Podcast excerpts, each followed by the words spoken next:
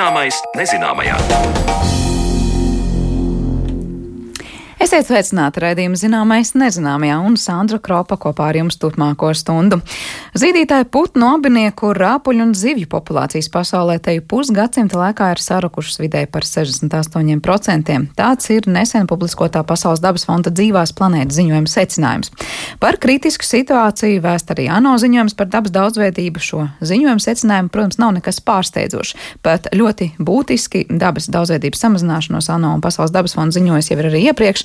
Ko šie ziņojumi nozīmē, kuru sugu populācijas ir visapdraudētākās, kā uz pasaules fona izskatās šajā ziņā Latvija? Par to visu mēs runāsim šodien raidījuma otrajā daļā, taču pirms tam stāsts par putnu olu zagriem Lielbritānijā un to, vai viņi apdraud arī Latvijas savvaļu putnu sugas.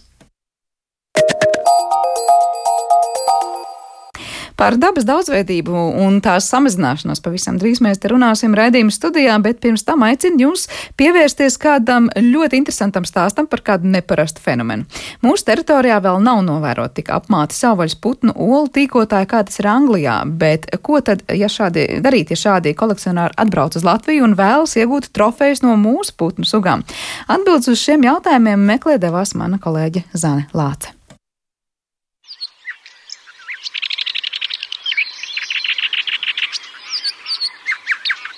Dziedātāja putns nedaudz lielāks par zvirbuli, tā ir brūnā čakste, kas Latvijā ir parasta un izplatīta ligzdotāja. Visā Eiropā brūnā čakste ir īpaši aizsargājama suga, un Lielbritānijā šis putns iespējams jau ir izzudis.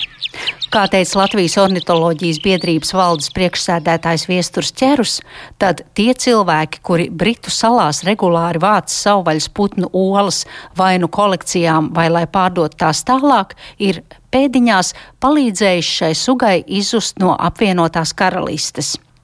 Pirms lūkojam, kāda ir situācija ar šādiem trofeju kārotājiem mūsu valstī, paklausīsimies, ko attālināti ierakstītā sarunā par britu savvaļas putnu olu tīkotājiem stāsta viesturs ķērus.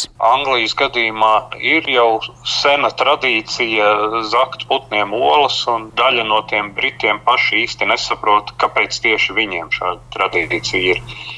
Un tas sākas bērnībā, kad tu interesējies par dabu. Viena no šīs intereses izpausmēm ir olu vākšana, un uh, līdz ar to arī tie olu zagļi bieži vien redz sevi kā dabas draugus, kas patiesībā jau neko sliktu nedara. Bet runājot par konkrētām sugām, jā, tad, kad tas kļūst jau par hobiju vai pat kā viņi paši reizēm atzīst par apsēstību, tad, protams, jo retāka suga, jo lielāka interese tās sugas olas dabūt. Piemēram, es saprotu, ka klinša ērglis ir nu, tas galvenā suga, pēc kā tiekties. Nu, ja tu dabū to, tad tu esi sasniedzis visu. Bet te pašā laikā var saprast, ka tas tā teorētiski sasniedz visu, bet īsti apstāties viņi neapstājas, kamēr policija nepiespiež. Jo tas, kā mēs iedomājamies kolekciju, ir tu, teiksim, paņēma pa vienai olai no katras sugas, un es nezinu, sakrāja visas Lielbritānijas sugas. Bet eh, šajā gadījumā tas tā nenotiek. Viņi ņem ne tikai vienu olu, viņi paņem visu perējumu, visu dējumu, pareizāk sakot. Un uh, turpina. Viņiem ir tūkstošiem olu. Tas dīvainākais ir tas, ka tās kolekcijas, protams, ir nelegālas un līdz ar to viņi nevienam rādīt nevar. Es skatījos filmu, kur viens olu kolekcionārs atzina, ka viņš arī pats savai draudzenei nav teicis, ka viņš ar to nodarbojas un kolekciju rādīs. Jo, ja nu gadījumā izšķirās ar draugu, tad viņi nosūdzēs policijā un būs slikti. Ir tā, ka parastām sugām, protams, tādas lielas problēmas olu vākšana neizdarītu. Bet problēma ir tā, ka jo suga kļūst retāka, jo interesantāk viņi ir olu kolekcionāriem Un tad uh, reizēm tieši tā olu vākšana iedzen pēdējo naglu sugas zārciņā. Es saprotu, ka tieši tā ir brūnā čaksta izdzīvot no Lielbritānijas, ka ir no pašas pēdējās līgas ir ļoti bijušas iekārotas olu kolekcionāriem. Tātad eh, tām sugām, kam jau ir slikti, olu kolekcionāru situāciju padara vēl sliktāku.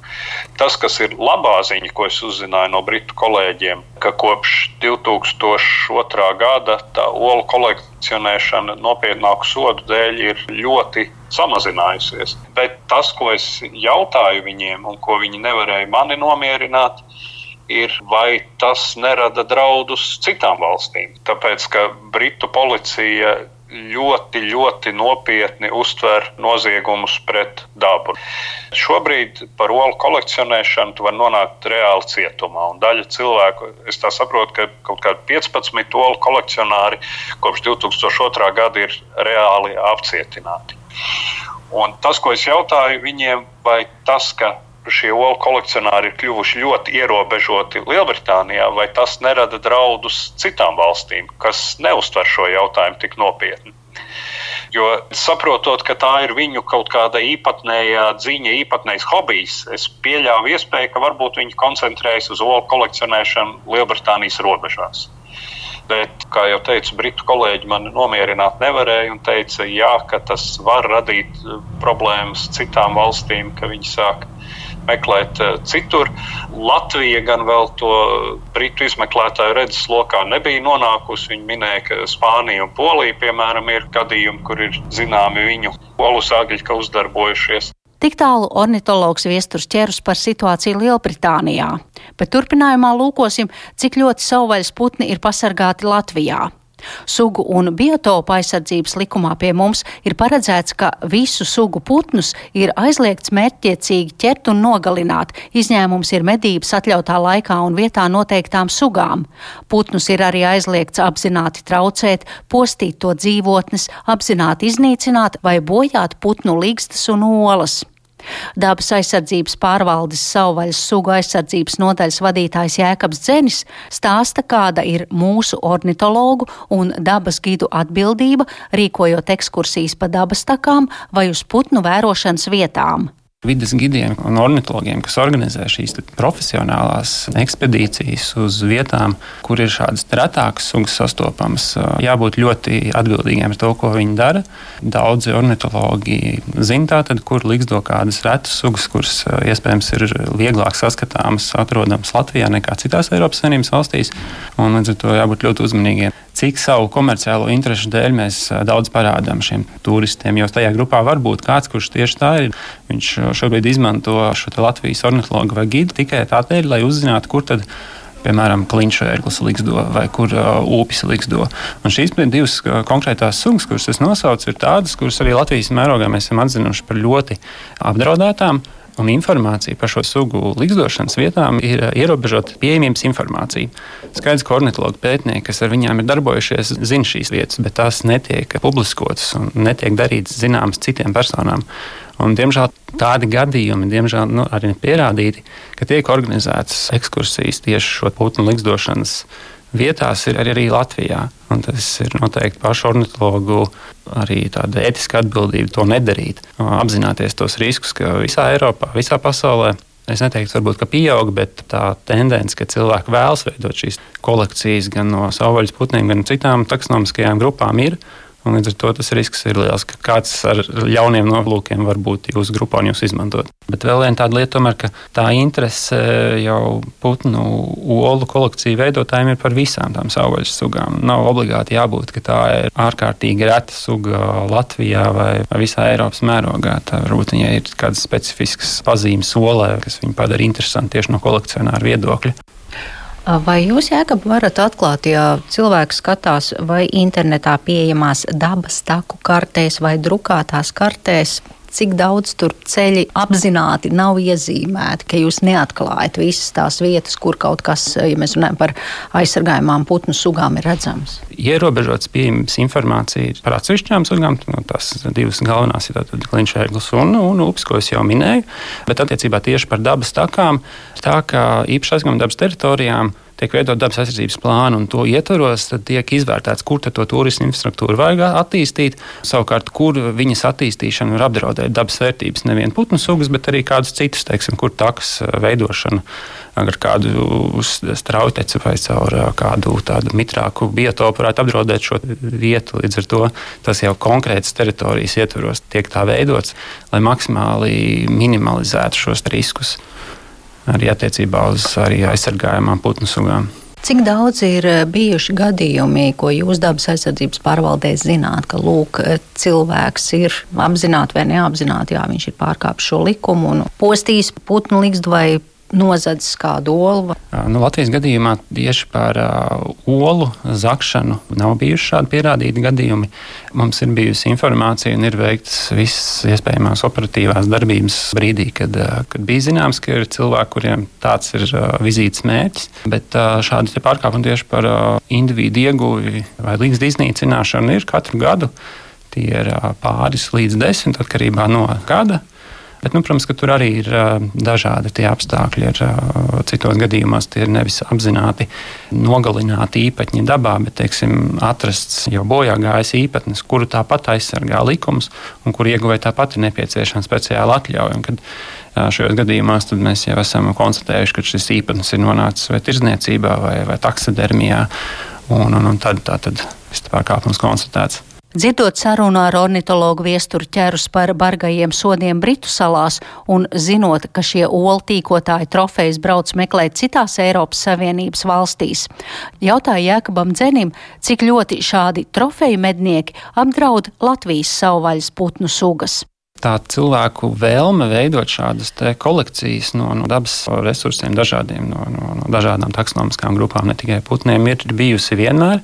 Var teikt, jā, ka pēdējos gados mums arī. Lai gan mūsu dabas izglītība cilvēku sabiedrības ietvaros pieaug, nu, diemžēl pieaug arī tie, kas vēlas šīs kolekcijas datos balstītu tādu viedokli, ka Latvijā pieaug šī tieši nelegālā ieguva nav, bet pavisam noteikti esam viena arī no tām riska vietām, tieši tādēļ, ka ir atsevišķas sugas, kas pie mums ir krietni vieglāk novērojams nekā citās valstīs. Un tas mūsu iedzīvotāju blīvums, diemžēl arī atsevišķos reģionos, vai, vai cilvēku teiksim, tā, iespēja iesaistīties vai vēlme iesaistīties tādās nelegālās darbībās, ir arī salīdzinoši augsta. Līdz ar to tas risks ir un mums jābūt modriem par to. Varbūt tas tāds pieņēmums, tagad arī, ka tuvojas Brexit, kas varētu samazināt šo risku, ka tie pārkāpumi netiek atklāti. Jo, ja mums sākās muitas kontrole, tad attiecīgi ir lielāka iespēja, ka teiksim, privātpersonas, kuras ir ieradušās ar šādu mērķi, tiek apturētas. Jo šobrīd iekšējā robežas ir, ir vaļā un ir iespējams brīvi pārvietoties un, un, un šādas iespējas konstatēt nelegāli iegūtas olas vai cita veida izbāžņas krietni mazāks nekā brīdī, kad būs šī atjaunotā robežu kontrole. Un, kāpēc tas ir tieši jā, tā Brexit kontekstā svarīgi? Jā, jo tiešām, ja mēs paskatāmies tādā Eiropas kontekstā, tad tieši Lielbritānija ir tā, kur gan vēsturiski, īpaši jau nu ar putnu olām, šī interese ir bijusi cilvēkiem veidot šīs kolekcijas, un tie gadījumi arī visvairāk ir, ir atklāti. Tā dabas aizsardzības pārvaldes savvaļas sugu aizsardzības nodaļas vadītājs Jēkabs Dzenis par putnu olu tīkotājiem Latvijā un Lielbritānijā.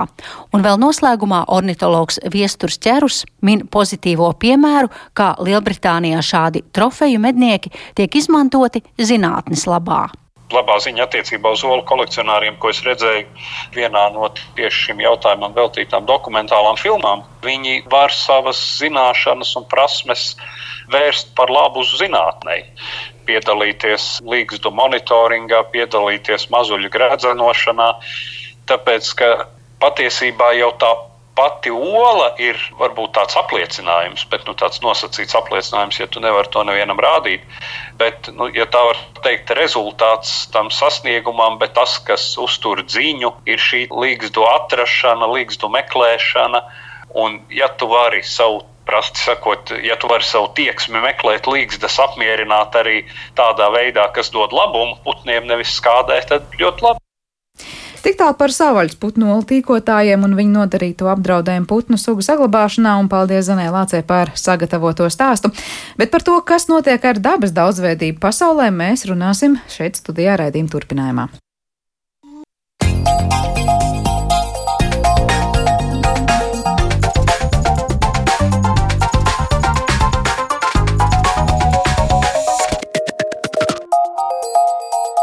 Zināmais nezināmajā. Dabas izzušana ekonomiskā izteiks, izte, ietekme pasaulē izmaksās vismaz 479 miljārdus dolāru gadā. Līdz 2050. gadam tie būšot aptuveni 10 triljoni dolāru. Tā liecina Pasaules dabas fonda globālās tirzniecības analīzes un dabas kapitāla iniciatīvas ziņojums. Arī dzīvās dabas ziņojumi kārtējo reizi ir pierādījis, ka ar dabas daudzveidības samazināšanos mums pasaulē iet diezgan, diezgan traki. Ko īsti nozīmē visi šie pētījumi un to rezultātu šiem jautājumiem? Atbildes mēs meklēsim raidījuma atlikušajā daļā, jo uz sarunu studijā esam aicinājuši Pasaules dabas fonda Latvijā direktoru Jānu Rozīti. Labdien! À, labdien! Baltijas vidas fóruma vidas ekspertu un projektu vadītāju Andu Ruskolu. Labdien! Labdien! Un pēc brīža mēs sazvanīsimies arī ar dabas aizsardzības pārvaldes dabas aizsardzības departamentu direktoru Gintu, Gitu Strodi, uh, lai attālinātu saprast, kāda situācija šajos jautājumos šeit ir Latvijā. Bet vispirms es uh, vaicāšu jums abiem šeit studijā esošajiem, kā jūs vērtējat to, ko pēdējā laikā mēs dzirdam, nu tad dažādi lieli ziņojumi ir ar saviem secinājumiem nākuši klajā, un, un tas, tās atbildes tur neīpaši iepriecinošas izskatās. Jā. Nu jā, par šiem ziņojumiem. Nu, Es domāju, absolūti pozitīvi ir tas, ka kolēģi Pasaules dabas fonds kopā ar ekspertiem jau ir pārvērtuši šo bioloģiskās daudzveidības zudumu kaut kādās finanšu, nu, kaut kādās mērvienībās. Tas nozīmē, ka tie ir signāli jau konkrēti jau biznesa sektoriem. Um, valdībām, kopienām, investoriem, nu, daž, dažādu jomu, jomu, es gribētu teikt, ekspertiem, lai sītos, nu, kas tad notiks tālāk. Jo pēc būtības, kamēr mēs runājam klasiski par bioloģisko daudzveidību, mums samazinās tik un tik dzīvotnes, tik un tik sugas, tad kādam ir sajūta, ka mēs runājam nu, par kaut ko pilnīgi citu. Nu, Man, man reizēm, es reizē vēlos teikt, tas ir tāds gleznas aplūkošana, nu, tā kāds ir tas gleznas spilgtums, patīk man vai nepatīk. Ja mēs spējam pārnest jau mūsu ekonomiskās, sociālās sistēmās, ko tas nozīmēs, iespējams, ka mūsu lēmumi par to, kā sadzīvot ar dabu, varētu nedaudz mainīties pozitīvā virzienā. Un nešaubīgi, ka bioloģiskās daudzveidības krīze noteikti dos acitienu dažādiem biznesa sektoriem, dažādās vietās pasaulē, dažādām cilvēku grupām. Un, nu, un, un noteikti var norādīt par to, ka tā būs nu, kaut kāda virzība nevienlīdzībā, tā būs virzība lielākā nabadzībā. Tas ir patreiz runājot par globālo līmeni. Un ja mēs nonākam līdz Latvijai, Es gribētu teikt, visos jautājumos saistībā ar dabas daudzveidību mēs varam teikt, ka mēs esam spoguļattēls miniatūrā globālām tendencēm. Vai mēs runājam par to, kas notiek Latvijā ar sugām un dzīvotnēm, um, kādas ir šīs problēmas, kāpēc Latvijā, piemēram, šī dabas daudzveidība samazinās. Um, tie ir tie paši jautājumi, protams, citos mērogos un citā, nu, citā, citā es gribētu teikt, tādā nu, redzējumā. Nu, varbūt, protams, mēs varam salīdzināt sevi ar Brazīliju, Amazonu. Mēs varam teikt, ka mēs esam miniatūra. Bet tendenci ziņā, tendenci ziņā mēs esam pilnīgi turpat. Jā, nu vismaz šis globālais dzīvās planētas ziņojums uh, saka, ka nu, te jau 70% ir tie, tās sugas, kas sarukušas pēdējā pusgadsimta laikā. Jā, nu, tas tiešām ir. ir pusgadsimt, pusgadsimta laikā mēs runājam par 68%.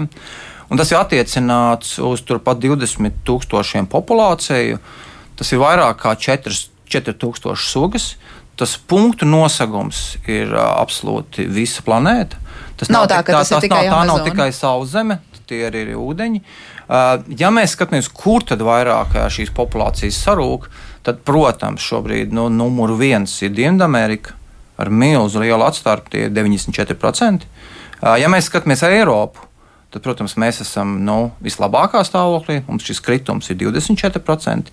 Bet, ja mēs paskatāmies uz citiem pētījumiem, uz citām analīzēm, tad mēs paskatāmies, kurā vietā pasaulē ir šobrīd nu, salīdzinoši dabiskāka un neskārtāka daba tad uh, proti tas, um, nu, tas, tās lielākās vērtības ir tieši ir tā Dienvidamerika. Un tur šis kritums ir milzīgs. Bet, ja mēs paskatāmies uz Eiropu, tad Eiropa ir sarkana. Mums ir absolūti, es gribētu teikt, tādā dabas ekspertu, vides zinātnes skatījumā mums ir degradēta šī ainava no tādām, nu, es gribētu teikt, ekosistēmu nu, vērtībām jau, procesiem. Jau pazaudēta. Līdz ar to mēs patreiz esam tā, ka tas kritums ir mazāks, bet mēs esam iespējams uz savu dabu noplicinājuši jau pirms 100 gadiem, 200 gadiem. Mm. Andai, varbūt pirms dod vārdu Gitai attālināti, mm. kāds ir tas vērtējums, un tad iesim detaļās par mm. skaitļiem runāt.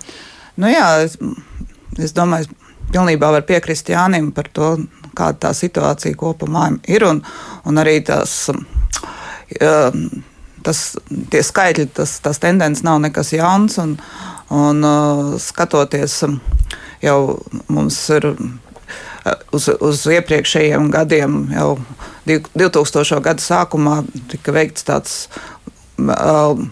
liela apjoma pētījums, saucamais tūkstošgadus novērtējums, kur iesaistoties tur tūkstošiem uh, zinātnieku no visas pasaules, tiek apzināts tās ekosistēmas degradācijas tendences un to, kā mēs zaudējam tos iegūmus, arī ko mēs saņemam no ekosistēmām. Man liekas, tur bija runa par kaut kādu 60%, 60 pasaules ekosistēmu, kas ir apdraudētas.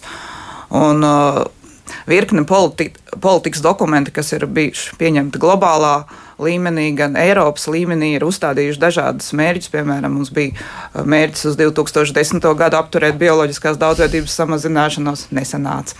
Tad bija uh, Eiropas bioloģiskās daudzveidības uh, stratēģija uz 2020. gadu apturēt šās samazināšanas procesus. At, atkal nesanāca. Nu, uh, tagad mums ir atkal jauni. Uh, vēl ambiciozāki varbūt mērķi, bet es domāju, tas tā, tā problēmas sakne ir tajā, kamēr mēs turpinām darīt pa vecam. Tas skaidri un gaiši šie, šie skaitļi un šīs tendences liecina, ka tās pieeja, kā mēs strādājam līdz šim, vienkārši nestrādā. Vai mums nevainās. vajag, jā, mums vajag uh, citu pieeju, uh, varbūt arī skatoties uz dabas aizsardzību. Uh, ai, dabas aizsargāšana kaut kādās ierobežotās aizsargājumās teritorijās nedod to efektu. Uh, kas būtu nepieciešams, lai apturētu šo sugu samazināšanās tendenci.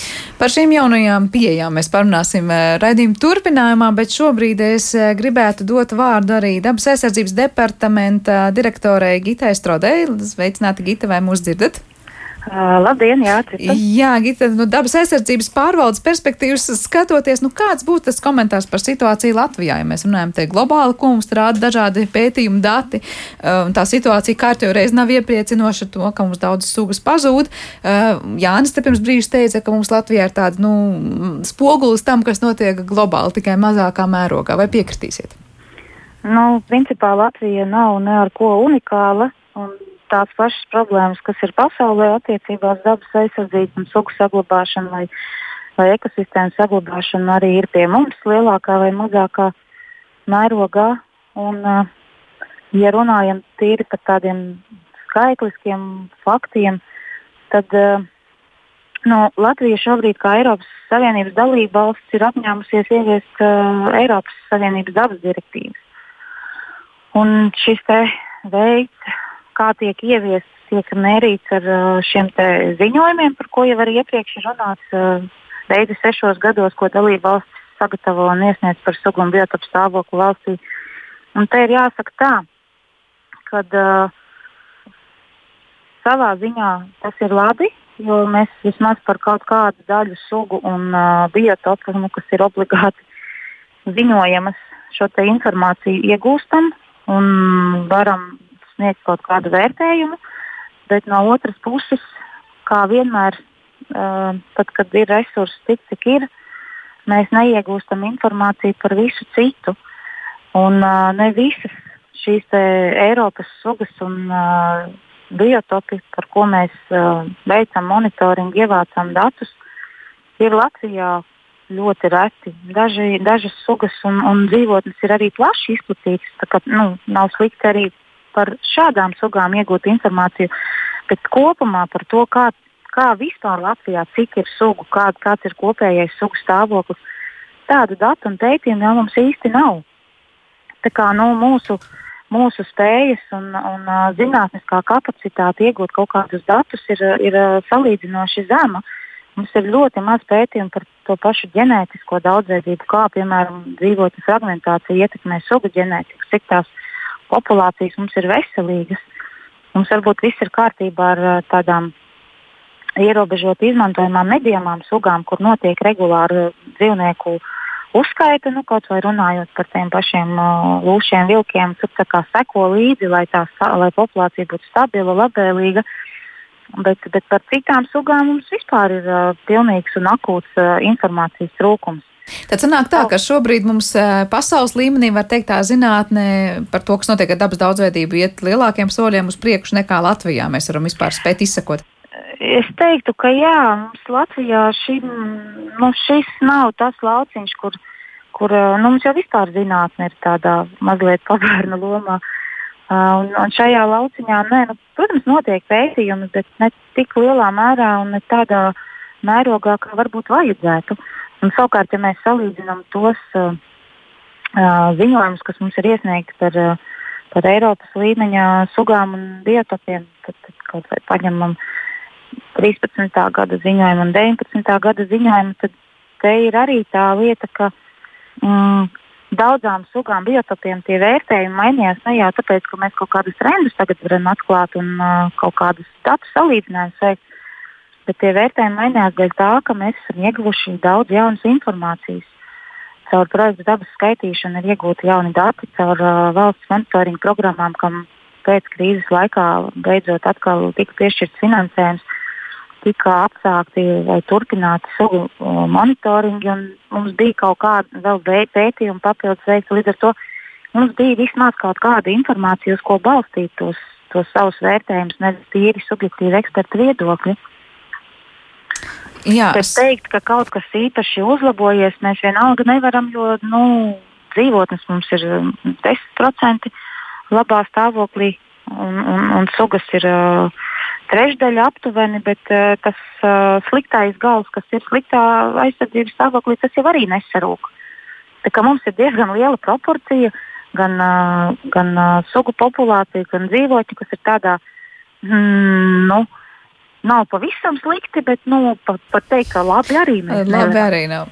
Jā, liels paldies, Gita, par šo īso komentāru un ieskatu par jautājumu, kas tiešām ir ļoti, ļoti plašs un, un liels. Tā var, varētu teikt, dabas aizsardzības pārvaldes, dabas aizsardzības departamenta direktora Gita Strauda bija pie telefona. Es pieņemu, ka arī mūsu klātsošiem viesiem studijā ir ko komentēt par to, ko tikko dzirdējām. No vienas puses mēs varam teikt, jā, Gita teica, nu nav iepriecinoša situācija, bet arī jau to datu īsti nav līdz galam. Jā, noteikti. Te, te, te noteikti ir jākomentē tas, kas notika pirms nedēļas vai divām, kad bija iespēja iepazīties ar ANO sistēmas, nu, teikt, novērtējumu pasaulē, kā tad ANO sistēmai gājas ar šiem dabas daudzveidības mērķiem pēdējā desmitgadē. Un es to minu tāpēc, ka nu, no 20 izvirzītiem mērķiem nu, nekas pilnībā nav izpildīts. Tas, to, ko arī Anna minēja, ka pēc būtības mēs izvirzām mērķi, stratēģijas, nu, bet ne, nekur, ne, nekur netiekam tālāk. Bet kāpēc to minu?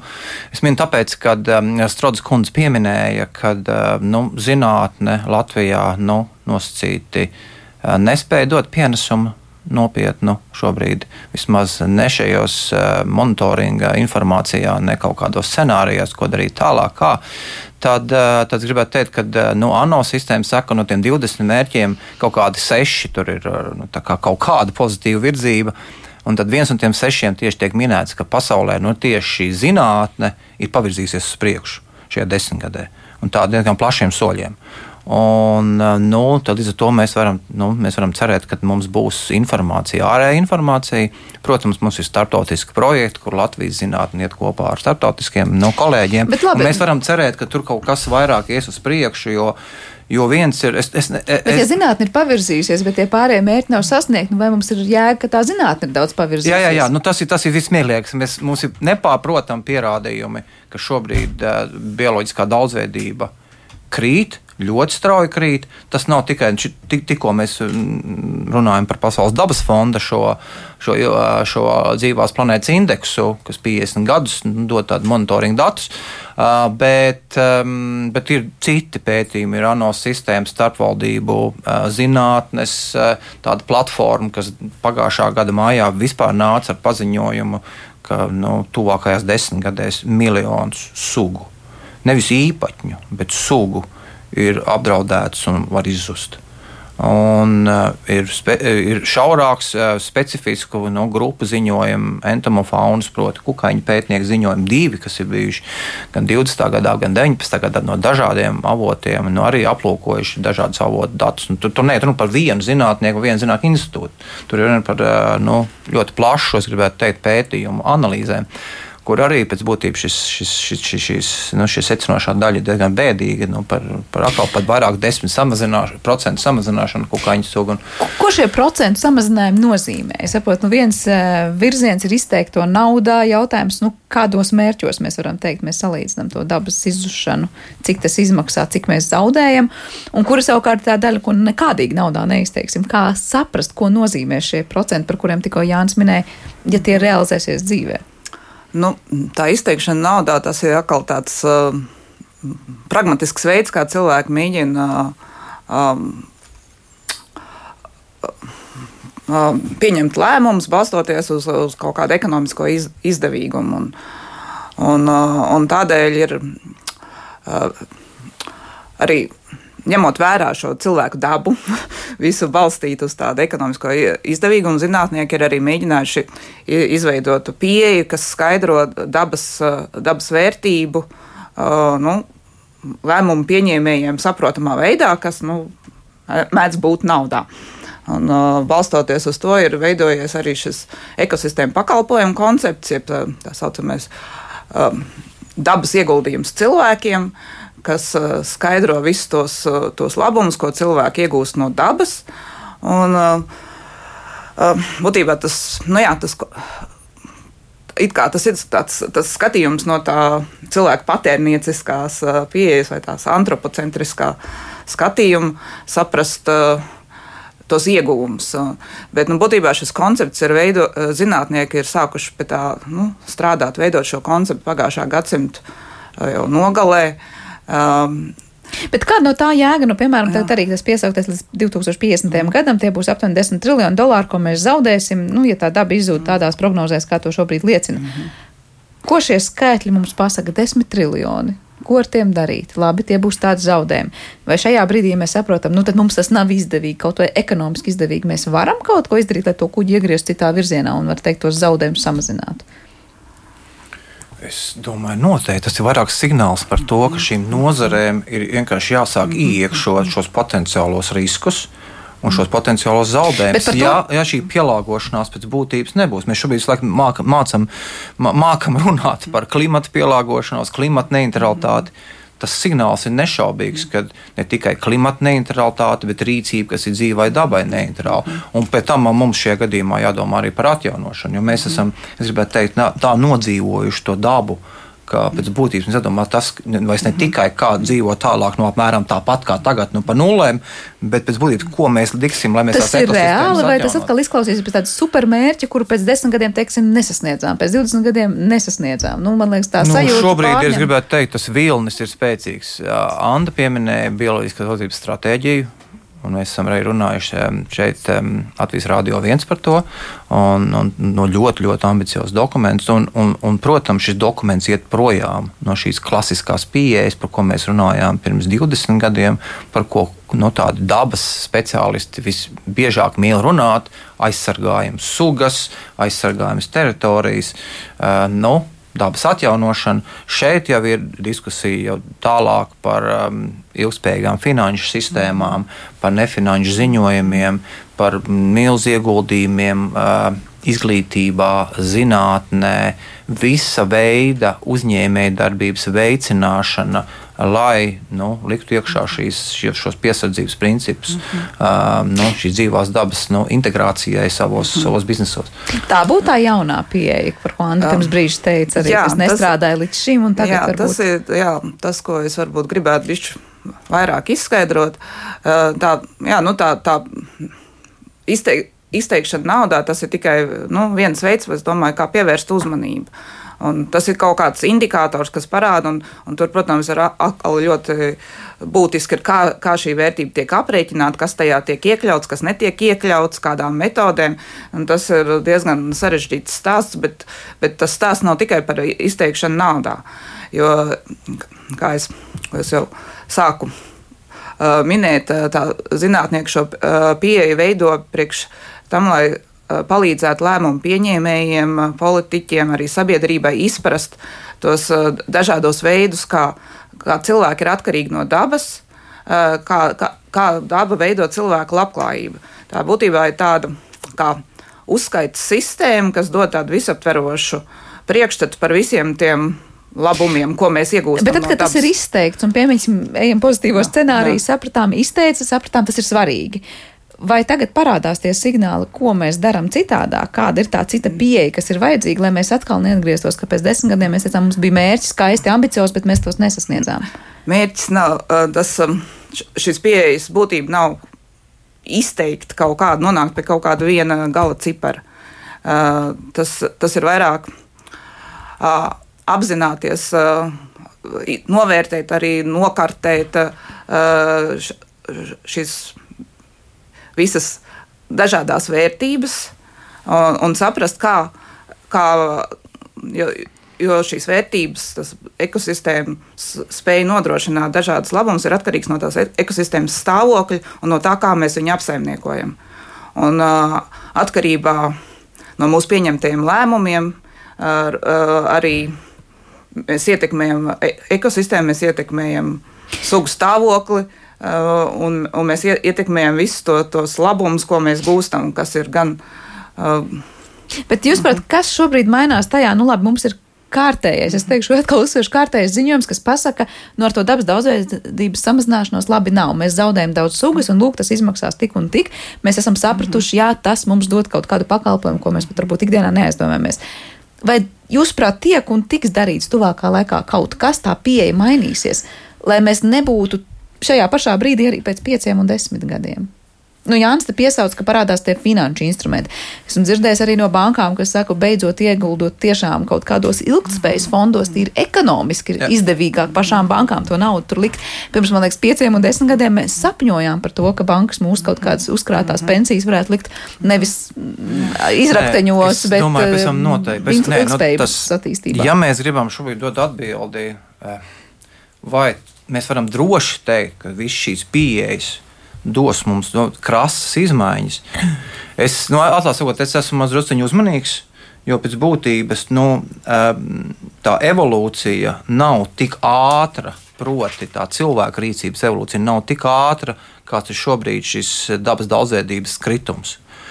Un es domāju, es prognozēju, ka es piecos, desmit gados mums vēl būs vēl krasāki lēmumi par to, ko mēs darām ar šo dzīvo dabu. Un ja šobrīd šie vairāk ir tādi aicinājumi skatīties caur ekonomiskām, finanšu prizmām, sistēmām, nu, bezmēr brīvprātīgi pielāgoties, domāt, eh, strādāt ar sabiedrību, strādāt ar tirgiem, ar pieprasījumu. Nu, klasiskā ekonomika, kura pavirzās, eh, kurā ir iekšota patiesi ievietota šī dzīvā daba.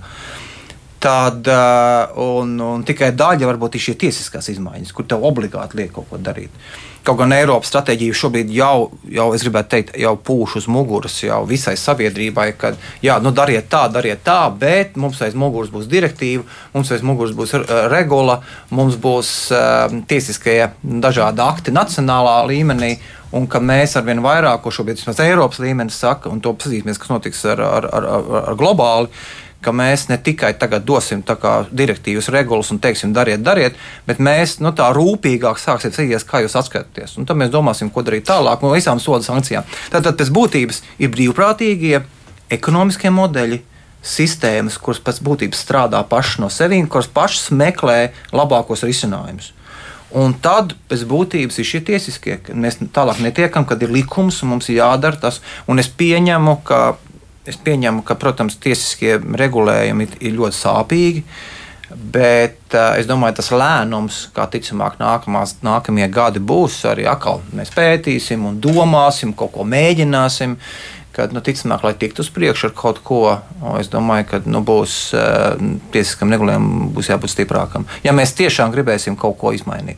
Kā tur roku rokā nu, šīs lietas notiks, skatīsimies, kā tas attīstīsies, bet uh, nu, situācija Noslēdzošais jautājums, cik pozitīvi jūs esat noskaņot uz to, ka mēs varēsim ietekmēt to, lai, lai tā situācija, uz, kā saka, nu, ātrāk mēs spētu pieņemt to to kuģi iekustinātos lēmumus, lai tā situācija nebūtu nu, tāda, kā tās prognozes liecina uz to 50. gadu? Jūsu pirmie soļi, kas jādara, vai cik optimistiski liekas? Uh, es domāju, ka um, pagaidām lielam optimismam nav pamata. Uh, tas uh, pozitīvais iznākums ir atkarīgs no spējas pa, uh, izmainīt domāšanu, izmainīt attieksmi. No, arī no šīs pašas tā saucamās ekosistēmas pakalpojumu pieejas, kur mēs skatāmies uz dabu kā kaut kādu ieguvumu uh, objektu. Uh, Mums ir jāiet tālāk, mums ir jāiet uz, uz sapratni par to, kā, kā, kā strādā daba, kā strādā ekosistēma un kā strādā uh, cilvēku radītā sistēma un kā viņas miedarbojās. Mums, diemžēl, šobrīd vēl ir diezgan maz zināšanas par šīm miedarbībām. Un, un tas ir arī tas nu, lauciņš, kurā, kurā zinātniekiem ir jāstrādā. Un, jo neizprotot. Uh, tas, kas ir viennozīmīgi, visi šie dati liecina par to, ka uh, cilvēku sabiedrība, uh, cilvēku populācija ir noteicošais, ietekmējošais faktors uh, globālajā ekosistēmā. Mūs, visas mūsu saimnieciskās darbības ietekmē tos procesus, kas, kas veido ekosistēmu. Un, un līdz ar to arī ietekmēs šīs ekosistēmas spēju pašregulēties. Un neizprotot šo sistēmu, mēs nonākam pie tā, ka mēs zaudējam pie, pie riska, ka tā sistēma var sabrukt. Un tādēļ ir ārkārtīgi svarīgi šī izpratne par par to, kā mēs miedarbojamies, un daudz gudrāk un dziļāk pieeja, ne tikai skatoties uz, uz to, varbūt kaut kādas teritorijas, ko mēs atstājam dabai, bet skatīties uz, uz dabu kā, kā visu to sistēmu kopumā, kurā mēs esam, ar kuru mēs miedarbojamies. Un, es gribēju tieši teikt, jā, kuras daļa mēs esam, esam un jā. neesam tajā pieejā, ka jā, mēs esam tā kā no malas. Nu, ko liels jums paldies abiem par uh, skaidrojumu tiem visiem lielajiem skaitļiem un lielajiem secinājumiem, ko esam dzirdējuši. Skaidri viens mums ir visiem kopā jādomā, ko darīt un kā darīt. Nu, arī jārīkojas. Arī jārīkojas tieši uz to. Beidzot jārīkojas un aktīvāk jārīkojas. mēģināju likt akcentu. Paldies dabas, Pasaules dabas fonda Latvijā direktoram Jānim Rozītim un Lat Baltijas vidas fóruma vidas ekspertē Andai Ruskulē, kas šodien bija pie mums raidījuma studijā. Ar to arī raidījums ir izskanējis un par to parūpējās producents Armīta Kolāte, mūzikas redaktors Girds Bišs, Katrīna Bramberga bija skaņu režijā un Sandra Kropa studijā. Mēs tiekamies jau pavisam drīz. Visu labu!